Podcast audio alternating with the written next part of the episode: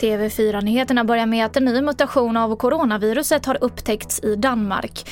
Varianten oroar experterna vid landets smittskyddsmyndighet eftersom den verkar vara mindre känslig för vaccin. Mutationen har hittats i drygt 1600 prover under hösten. Och nu ska man titta närmare på detta. Regeringen går nu vidare med planerna på en särskild äldreomsorgslag. Idag gav man direktiv till en utredare som ska ge förslag på en helt ny äldreomsorgslagstiftning. På en presskonferens idag så sa statsminister Stefan Löfven att Sverige misslyckats med att skydda de äldre och att äldreomsorgen är underfinansierad. Och mer om detta på tv4.se. Det har inte varit något dödsfall i covid-19 på Sveriges fängelser enligt Kriminalvården. Detta rapporterar SVT om. Hittills har 305 intagna konstaterats smittade under pandemin. Men de flesta har tillfrisknat och ingen har alltså avlidit.